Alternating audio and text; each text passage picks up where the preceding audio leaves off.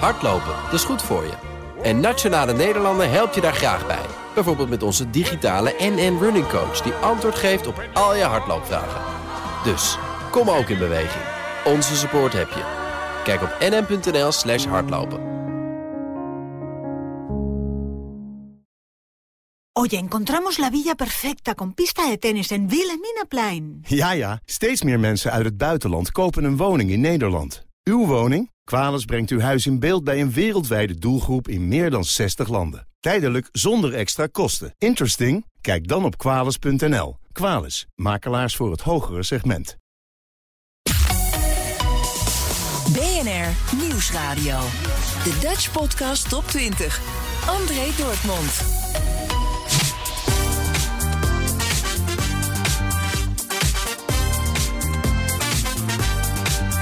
De zomer door. Welkom bij de zomereditie van de Dutch Podcast Top 20. Even geen lijstje, maar gewoon een paar lekkere goede tips die je kunt beluisteren tijdens je vakantie. Vandaag doen we dus Wijzer de zomer door. Je hoort zo Jong Beleggen de podcast, het nieuwe geld, een jaar burgemeester.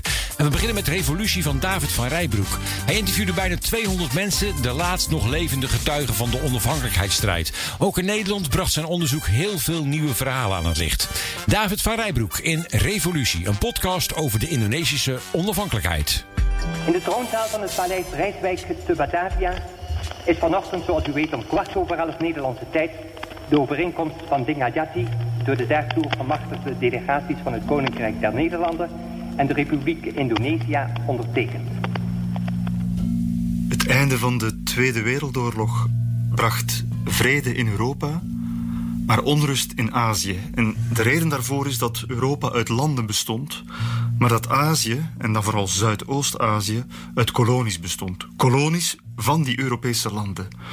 Dus daar zit je in een heel andere dynamiek. En wat in Indonesië speelt, herhaalt zich ook op, op andere plekken. In Indochina heeft de plaatselijke bevolking weinig zin in de terugkeer van de Franse kolonisator. In Birma hebben de inwoners weinig zin in de terugkeer van de Britse kolonisator. En in Indonesië hebben heel velen weinig zin in de terugkeer van de Nederlandse kolonisator. En dat is dus een totaal andere dynamiek dan wat je met de bevrijding in Europa ziet. Er is een machtsvacuum gevallen door het einde van de Japanse bezettingstijd. En er zijn allerlei spelers die proberen dat gat in te vullen. En uiteindelijk gaat het om de twee belangrijkste spelers: de oud-kolonisator, Nederland in dit geval, en uh, de plaatselijke bevolking. En in het geval van Indonesië moet je het voorstellen dat daar inmiddels honderdduizenden jongeren op straat zijn gekomen. Eerst enkel met vlaggetjes en een stem en een pot verf waarmee ze wat slogans op de muren kladden. Maar vervolgens met bamboesteekwapens waarmee ze vuurwapens eigen maken. Waarmee een ongelooflijke geweldsorgie plaatsvindt in die laatste maanden van 1945. Nederland weet niet goed wat er gebeurt. Kan, uh, kan niet geloven wat er zich voltrekt. Hoopt terug te keren, maar heeft zelf nog geen eigen middelen. En in dat spanningsveld proberen de Britten tussen beiden te komen. Eerst militair en vervolgens diplomatiek. En zijn Britse diplomaten die een vredesakkoord pas na een jaar kunnen afsluiten tussen Nederlanders en Indonesiërs. Het zogenaamde akkoord van Linggadjati. Dat is geen schoonheidsoplossing, maar het is wel een oplossing wat een einde aan het geweld moet brengen.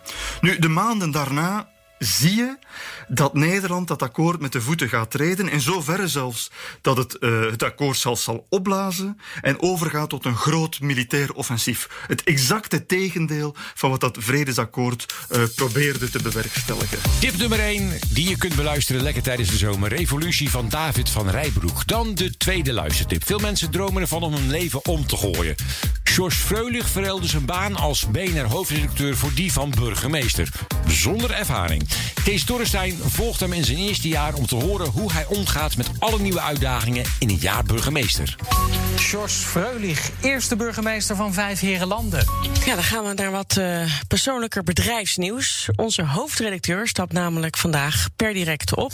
De vertrouwenscommissie van de gemeente Vijf Herenlanden draagt radiomaker George Freulich voor als burgemeester. Sinds 2013 is hij hoofdredacteur van radiozender BNR. Gisteren werd opeens bekend dat hij burgemeester wordt van de fusiegemeente Vijf Herenlanden. Ik was blij voor hem, maar toch dacht ik ook, ja, wat maak je me nou? Ik had met twee lastigheden te maken. Die hele procedure is vertrouwelijk. Dus ik kon niet eh, zeggen wat je normaal doet als je een nieuwe baan hebt. Ja, dan ga ik naar de directeur en naar de adjunct zeg ik... jongens, eh, ik ga over drie maanden daar en daar werken. Plus dat ik ook niet zeker wist of ik het zou worden. Uh, maar dan komt dat telefoontje op woensdagavond. Ik was thuis aan de keukentafel.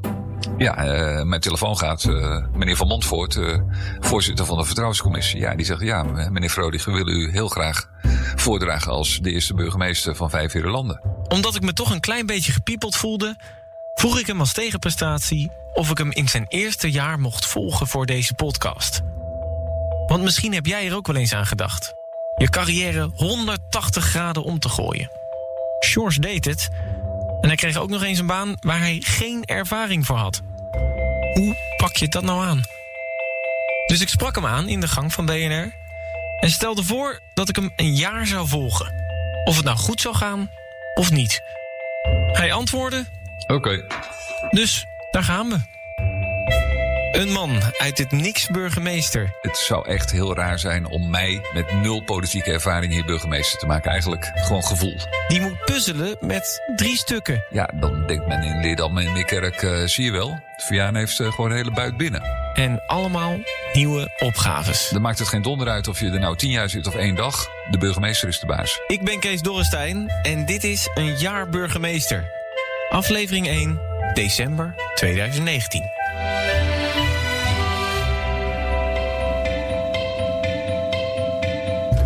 Ja, en dan toch dat één dingetje, dat wil ik gewoon even gezegd hebben voordat we beginnen. Terwijl we eigenlijk al aan het beginnen zijn. Ja. Wij kennen elkaar natuurlijk goed vanuit BNR. Zeker. Uh, daar hebben wij uh, lang samengewerkt.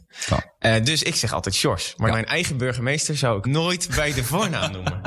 maar ik wil jou wel Sjors noemen en je en dat soort dingen. Ja, nou, je, je, raakt een, een teerpunt van deze vier weken, deze eerste vier weken bij mij. want daar worstelen meer mensen ook hier mee. BNR Nieuwsradio. Een jaar burgemeester, een podcast van Kees Dorrestein en George Freulich... die zijn baan als hoofdredacteur verruilde voor die van burgemeester.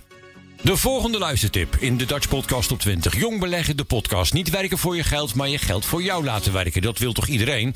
Ondernemer Pim Verlaan en journalist Milou Brandt nemen je mee in de wereld van dividendbeleggen. In deze aflevering Ajax, Lazio, Juventus, Olympique. Er zijn in totaal 23 Europese voetbalclubs genoteerd op de beurs. Maar kan een wereld waarin emotie en sentiment koning zijn... wel een aangename aanvulling zijn voor je portfolio? Waarom een voetbalclub?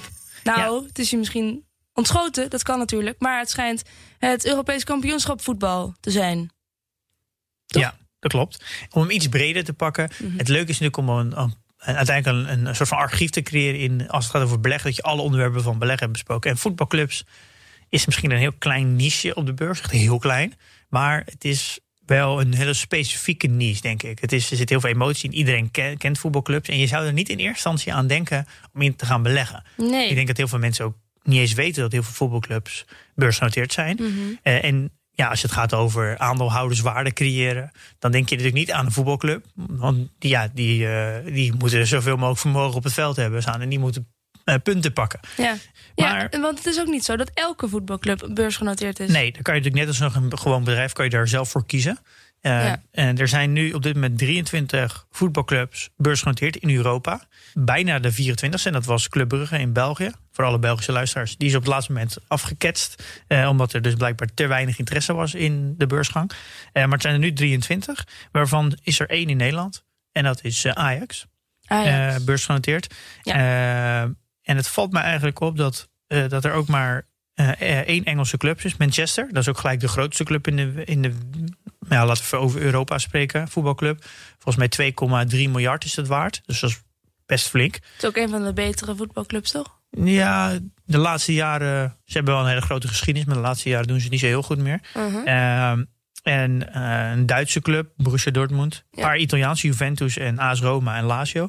Veel uh, clubs uit Turkije valt me op. En uit uh, Denemarken. Club 6, wat mij erg opviel. Waar? In Denemarken? Denemarken. Ja. ik heb geen idee waarom. Daar kon ik niet helemaal achterkomen. En Portugal ook. Een soort cultuurdingetje misschien. Trekken elkaar mee? Ja, dat zou kunnen. Ik, ik, ik, ik weet eigenlijk niet waarom dat is. En de eerste beursgang ooit was van een Engelse club, Tottenham Hotspur, in 1993. En die deed het eigenlijk om extra financiering aan te trekken. Ja. Ehm, en het grappige was, dus, het was dus eigenlijk in de jaren 90 volgden dus heel veel clubs als voorbeeld. Dus dat ja, één club doet het succesvol en dan volgen er heel veel.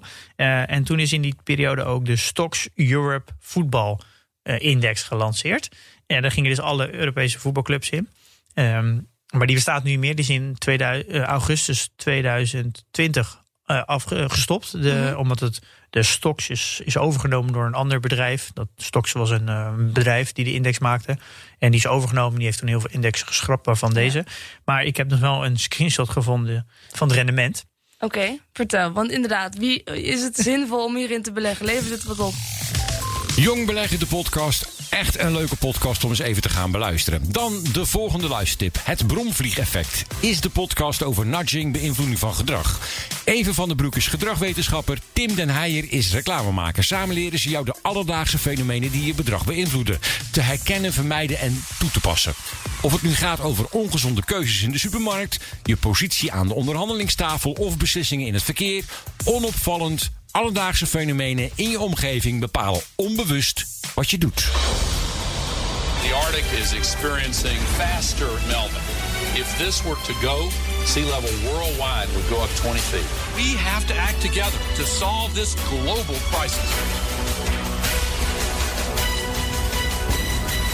We hebben nog nooit met z'n allen iets zo belangrijk gevonden en tegelijkertijd er zo weinig aan gedaan. Hoe kan dat toch in godsnaam? En belangrijker nog, wat doe je er dan wel aan? Ja, Eva, jij hebt wel eens gezegd... eigenlijk is dat klimaat een soort perfect storm... omdat er van alles tegelijkertijd helemaal fout gaat. Maar wat bedoelde je daarmee? Ik zag plotseling voor mijn geestesoog allemaal duistere, grijze bromvliegen aankomen vliegen van de apocalyps. De bromvliegen die, eh, ja, die eigenlijk in ons hoofd zitten. Al onze shortcuts in onze hersenen werken eigenlijk tegen dat wij in actie zouden komen tegen zoiets abstracts en ingewikkelds als het klimaatprobleem. En het eerste waar je daarbij aan moet denken, eh, waar, waar glijden onze hersens nou op uit, is eigenlijk het alles wat je ervoor kan doen, doet nu pijn, terwijl het resultaat daarvan komt pas of heel veel later in je leven, of zelfs voor andere mensen, voor onze eh, kindskinderen. Ja, en daarbij kun je denken aan eh, als ik nu een keertje niet naar Ibiza vlieg. Ja, eh, dat scheelt een heleboel CO2-tonnen in de lucht. Maar ja, eh, daar merk ik verder niet zo heel veel van. Bovendien kan ik niet eens aan mensen laten zien dat ik niet naar Ibiza aan het vliegen ben vandaag. Ehm, het is wel grappig dat je dat zegt, want ehm, als ik kijk naar campagnes, hè, mensen vanuit mijn vak die proberen om gedrag te veranderen. We kunnen niet langer ontkennen dat er een broeikaseffect is. Daarom moeten we het kappen van regenwouden stoppen en minder gas en elektriciteit Dan gebruiken. drukken ze juist heel hard op die knop. Hè. Dan zeggen ze, we doen het voor onze kinderen en voor volgende generaties. Want een beter milieu begint nog altijd bij jezelf. Dus jij zegt eigenlijk vanuit gedragdenkend is dat misschien wel niet zo'n zo'n hele goeie. En dat doet me denken aan eh, iemand die ik al een hele tijd volg. Ik wil niet zeggen dat het een held van me is, want eh, hij heeft hele foute dingen gedaan. Maar het is een fascinerend figuur en dat is Frank Luntz. Eh, Frank Luntz is een, eh, een spindokter in de Verenigde Staten voor de Republikeinen. Alleen Frank Luntz is zo'n goede spindokter dat hij zichzelf ook heeft gespind alsof hij geen spindokter is. Ja. Dus hij zet zich eigenlijk neer als een opiniepeiler. Die kijkt wat er leeft in de Amerikaanse samenleving. En, ad- en adviseert over hoe je duidelijker kan communiceren. Maar ondertussen heeft hij dus een aantal echt klassieke gemene frames uitgevonden. Zoals ehm, de death tax. Je krijgt een erfenis, daar moet je belasting over betalen. Dat is niet estate tax, dat klinkt nog mooier, maar dat is death tax. Nou, hij heeft voor Trump bedacht dat we het niet over een border wall moeten hebben, maar over border security. En hij heeft dus gezegd, in plaats van global warming moeten de Republikeinen climate change gaan pushen. Dat is een frame van de Republikeinen dat wij nu ook gebruiken. Wat moeten we doen aan klimaatverandering? BNR Nieuwsradio. André Dortmund. Tim den Heijer en Eva van den Broek in de podcast Het Bromvliegeffect. Dan. China is een intimiderend groot en complex land, maar je kunt er niet omheen. Geopolitiek, militair, economisch en wetenschappelijk. China is overal. In de China-podcast zoekt Lia Wang uit hoe het land werkt.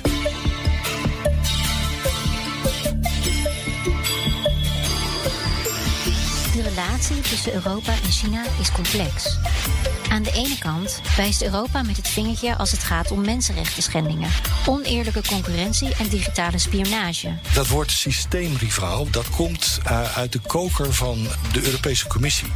Waarin men uh, al vele, vele jaren terecht ongelooflijk gefrustreerd is over China. Aan de andere kant verwelkomen de Europese landen de investeringen uit China.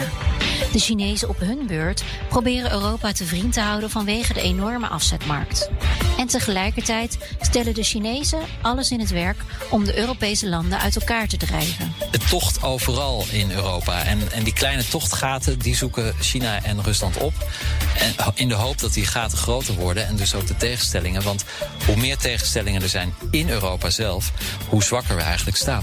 In deze aflevering zoek ik, Liao Wang, daarom uit hoe die relatie tussen China en Europa zo is ontstaan en zich gaat ontwikkelen. Wat heeft China te zoeken in Europa? En bestaat er een toekomst waarin China en Europa naast elkaar bestaan? Dat ga je horen in deze aflevering van de China-podcast. Van mijn gasten Stefan de Vries. Ik ben de Europa-correspondent voor uh, BNR. En uh, ik ben freelance journalist gespecialiseerd in Europese politiek. En Frank Pieke. Ik ben hoogleraar moderne China-studies in Leiden, aan Leidens, Universiteit. En ik ben uh, ook verbonden aan het Leiden Asia Center. dat ik samen met een aantal andere collega's in 2016 heb opgericht. Stefan, als jij de relatie tussen China en Europa in één zin, of misschien zelfs één woord, zou moeten omschrijven, wat komt er dan bij je op? Het wordt lastig. Het wordt lastig. Ja, ja, ja. ja. Want? Uh, ja, omdat we elkaar nodig hebben. En um, je ziet natuurlijk nu, uh, de laatste jaren wordt China steeds zelfverzekerder en, en uh, een steeds grotere mond. En ja, dat, dat botst steeds vaker met Europa. Dus, en tegelijkertijd hebben we elkaar nodig. dus de verhoudingen zijn lastiger geworden de afgelopen jaren. Ja, want ik hoor jou zeggen, we hebben elkaar nodig. Ja. Kun je daar wat meer over vertellen? Over die um, wederzijdse afhankelijkheid eigenlijk. Je luistert naar de Dutch Podcast Top 20. Even geen lijstje deze week, maar een aantal lekkere luistertips. Je hoorde net de China-podcast van Liao Wang. En zij zoekt uit hoe het allemaal werkt in China. Dan gaan we naar de volgende luistertip. Ons geldstelsel staat onder hoogspanning. Is het toekomstbestendig en wat is de rol van cryptovaluta in de toekomst? In deze podcast gaat Rijnjan Prakke op zoek naar de toekomst van ons monetaire systeem. Aflevering 9. Bitcoin als vervanger van ons geldstelsel in het nieuwe geld. Wat zijn de regels die we met elkaar afspreken? Hoeveel geld mag erbij? Op welke waardes sturen we de maatschappij? Oftewel, hoe verdelen we de welvaart? Welke valuta of cryptovaluta het ook is, het draait voor mij uiteindelijk om het beleid dat er gevoerd wordt. En de democratische wijze waarop het gemaakte beleid tot stand komt. En Bitcoin heeft hierin een unieke positie. Bitcoin is gemaakt als een internet-native geldsysteem en is om die reden globaal van aard. En is daarom zo gebouwd dat het voor iedereen ter wereld hetzelfde werkt. Het is uiteindelijk, als de laatste Bitcoin gemined is, geld zonder herverdelingseffecten. Het is dan ook niet voor niets dat het door Bitcoin-enthousiasten vaak het enige neutrale geld genoemd wordt. Bitcoin is neutraal richting haar gebruikers. Hè. Het maakt Bitcoin niet uit of, of, of, of, jij er gebruik van maakt, of, of iemand in, uh, in Moldavië. Of, uh, dus in die zin is het neutraal. Um, en dat is bijvoorbeeld een, een euro die je bij een bank hebt staan niet. Maar misschien is het belangrijkste voor mij dat het een neutraal geldnetwerk is. Um, waarbij niemand de baas is, waarbij niemand bepaalt of jij wel of niet mee mag doen, waarbij niemand kan censureren waarbij je niemand hoeft, een toestemming hoeft te vragen. Maar ook neutraliteit is arbitrair, omdat de bedenker van Bitcoin wel degelijk een agenda had. Namelijk om geld te creëren dat los van overheden of centraal bestuur zou komen te staan. Niet alleen heeft Bitcoin geen bestuur, geen kantoor, geen mensen die in dienst zijn. Zelfs de persoon of de groep mensen die het heeft opgericht, heeft zichzelf nooit bekendgemaakt. En heeft zich er na de oprichting ook niet meer mee bemoeid. Bij Bitcoin is er geen CEO die je op het matje kunt roepen. Of kunt omkopen of onder druk kunt zetten. Um, er is dus ook geen oprichter die van een bepaalde nationaliteit of kleur of stroming is. Dus dat het feit dat de oprichter onbekend is en verdwenen is en zich er niet meer mee bemoeit, dat is een belangrijk onderdeel daarvan. Dat is denk ik een voorwaarde voor de mate van neutraliteit die nodig is. Bij het weghalen van de macht bij de overheid zit ik direct met een groot intern conflict. Ik ben zelf namelijk helemaal niet anti-overheid. Ik heb van nature vrij veel vertrouwen in de mens en heb door het werk van mijn vader van dichtbij meegekregen dat de politiek vol zit met mensen die hun ziel en zaligheid inzetten voor een beter bestaan. Maar door me in ons geldsysteem en de geschiedenis ervan te verdiepen, heb ik ook gezien dat mensen uiteindelijk niet in staat zijn om de geldhoeveelheid in bedwang te houden. Zolang het aan de oppervlakte goed lijkt te gaan met de economie en de aandelenkoersen stijgen, ontbreekt de politieke urgentie om de werkelijke systeemfouten aan te pakken. Onze collectieve schulden, de afhankelijkheid van private banken, het groeien op schuld, de onverdeelde aandacht hiervoor komt pas zodra we in een crisis zijn beland. En juist omdat we weten dat de politiek in de waan van de dag leeft, hebben we de Europese Centrale Bank op afstand van de politiek geplaatst en ze relatief veel speelruimte gegeven om langetermijnbeleid vorm te geven. Maar door de alsmaar hoger wordende overheidsschulden en acute problemen zoals de pandemie, is de politieke druk bij de ECB inmiddels zo hoog dat ook de ECB wordt geregeerd door de waan van de dag. Het Nieuwe Geld, een podcast van Rijn-Jan Prakker. Je vindt hem natuurlijk overal in elke podcast-app. Dan de laatste luistertip van deze week. Amerika, het land van hamburgers, sneakers, Donald Trump en Joe Biden.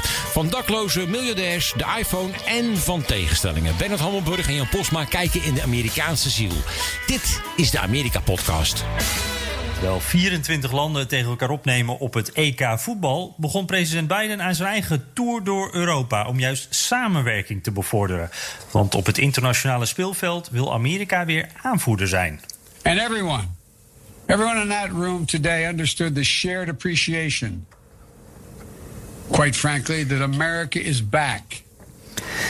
Ja, dit was tijdens de NAVO-top, maar bij de G7 en ook bij de EU-top was de boodschap hetzelfde. Uh, verder hebben we het nog over het eeuwig hertellen in Arizona en de zoektocht daar naar bamboe. Dit is aflevering 81 van de Amerika-podcast. Ik ben Jan Posma vanuit Washington DC, weer oud en vertrouwd met een kopje koffie voor mijn neus voor het favoriete moment van de week. En ik ben Bernard Hammelburg vanuit New York uh, met een veel te slap bekertje gekochte koffie. Daar heb ik spijt van, Jan. Ja, ja, daar moet je nu een uur mee. Daar moet een uur mee. um, en, um, uh, maar wel even meteen maar melden, want dat is vers van de pers. Het nieuws van gouverneur Cuomo dat New York... Um, nu eigenlijk helemaal weer open gaat. Dat was bij jou in Washington was het eigenlijk al het geval. Maar er kwam net een bericht, een pushbericht van de New York Times, zo'n nieuwsflash, weet je wel, dat de, de laatste restricties voor theaters en bioscopen en dat soort dingen, dat die nu worden opgeheven. En wel per, ja. per onmiddellijk. Dus ook, ik, ik, ook met die slap koffie. Het is een feestelijk, het is een feestelijk moment. Ja, het is eigenlijk een beetje een moment voor champagne dan. Want, want alles is er nu af. Het is eigenlijk gewoon weer zoals voor uh, corona. Ja, in ieder geval dat, dat volgens weet, de regels. Dat weet ik niet, want in zo'n nieuwsflash... daar staat natuurlijk maar een paar regels. En, ja, ja, en misschien, misschien dat bijvoorbeeld... Kijk, ze zijn nu alweer bezig met het verkopen van Broadway-kaartjes. Maar die voorstellingen, die, die de eerste voorstellingen hebben gezien... die je kunt bezoeken, ja, dat is pas ergens in oktober of november. Uh, dat heeft niet alleen natuurlijk met COVID te maken... maar ook het feit met het feit dat zo'n productie maanden neemt om weer helemaal te starten. Dat, dat doe je niet van het een op het andere moment. Uh, maar of daar nu alle stoelen bijvoorbeeld kunnen worden verkocht, dat weet ik niet. Want je herinnert je misschien van die Broadway theaters. Ja, het is heel, heel uh, mooi en leuk om het mee te maken. Maar je zit tegen elkaar aangekneld. Het is bijna niet te geloven. En als je, ja, ja. En als je zoals jij een beetje lange benen hebt. Ja, dan moet je die eigenlijk over de schouders van je voorbuurman leggen. dus hoe ze dat oplossen, dat weet ik niet precies. De Amerika-podcast van Bernard Holmburg en Jan Postma. In deze aflevering van de Dutch Podcast op 20 wijzer de zomer door. Met veel luistertips. Volgende week Engelstalig. Heb jij een suggestie voor een Engelstalige podcast? Nou, laat het mij gewoon weten. Stuur een mailtje naar dutchpodcastop20.bnr.nl En ik spreek je volgende week. Tot dan! Waar kijk je naar? Oh, naar de toekomst. Transport over zee? Nee, een extra vestiging. Als jij het al voor je ziet, geven wij je snel inzicht in de mogelijkheden van een zakelijke financiering. Zo heb je met ING alles in de hand. Ga naar ing.nl slash zakelijk financieren. Hardlopen, dat is goed voor je. En Nationale Nederlanden helpt je daar graag bij. Bijvoorbeeld met onze digitale NN Running Coach... die antwoord geeft op al je hardloopvragen. Dus, kom ook in beweging. Onze support heb je. Kijk op nm.nl slash hardlopen.